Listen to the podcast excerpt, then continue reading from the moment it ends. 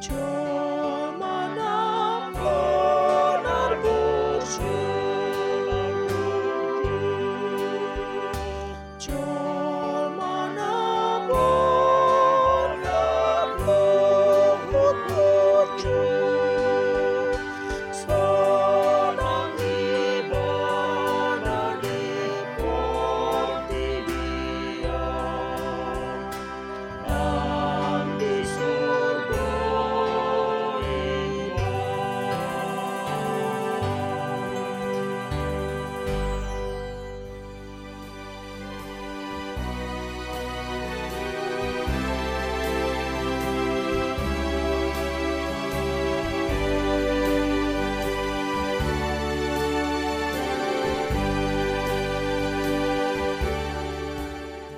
Renungan Harian HKBP Rawamangun Ikutlah Aku Kamis 17 Juni 2021 dengan judul Berbuat untuk Bangsa.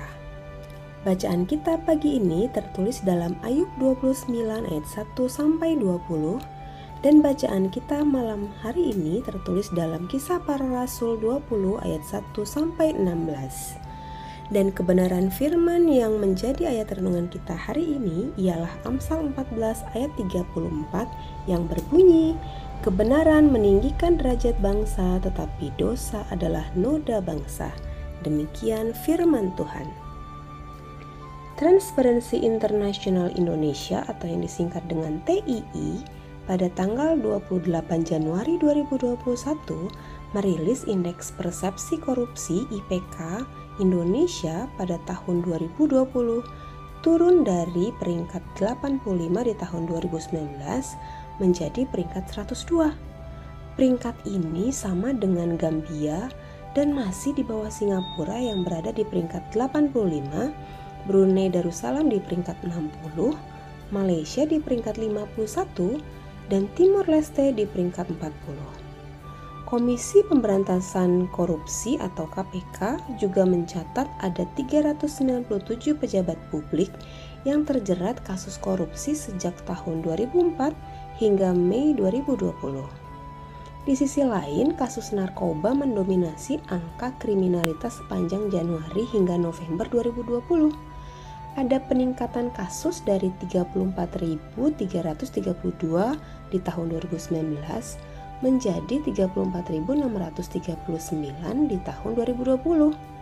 Juga dari data Komisi Perlindungan Anak Indonesia atau KPAI, sejak Juli hingga September, lebih dari 100 kasus yang menimpa anak terkait eksploitasi dan kekerasan seksual. Semua ini menjadi keprihatinan kita bersama. Sebagai orang Kristen, mau tidak mau, sadar ataupun tidak sadar, kita harus bertanggung jawab akan kondisi ini. Apa yang salah dalam kehidupan kerohanian kita? Kita secara bangsa bersama-sama menyatakan diri sebagai bangsa yang religius, tetapi itu semua tidak tergambar dari data di atas.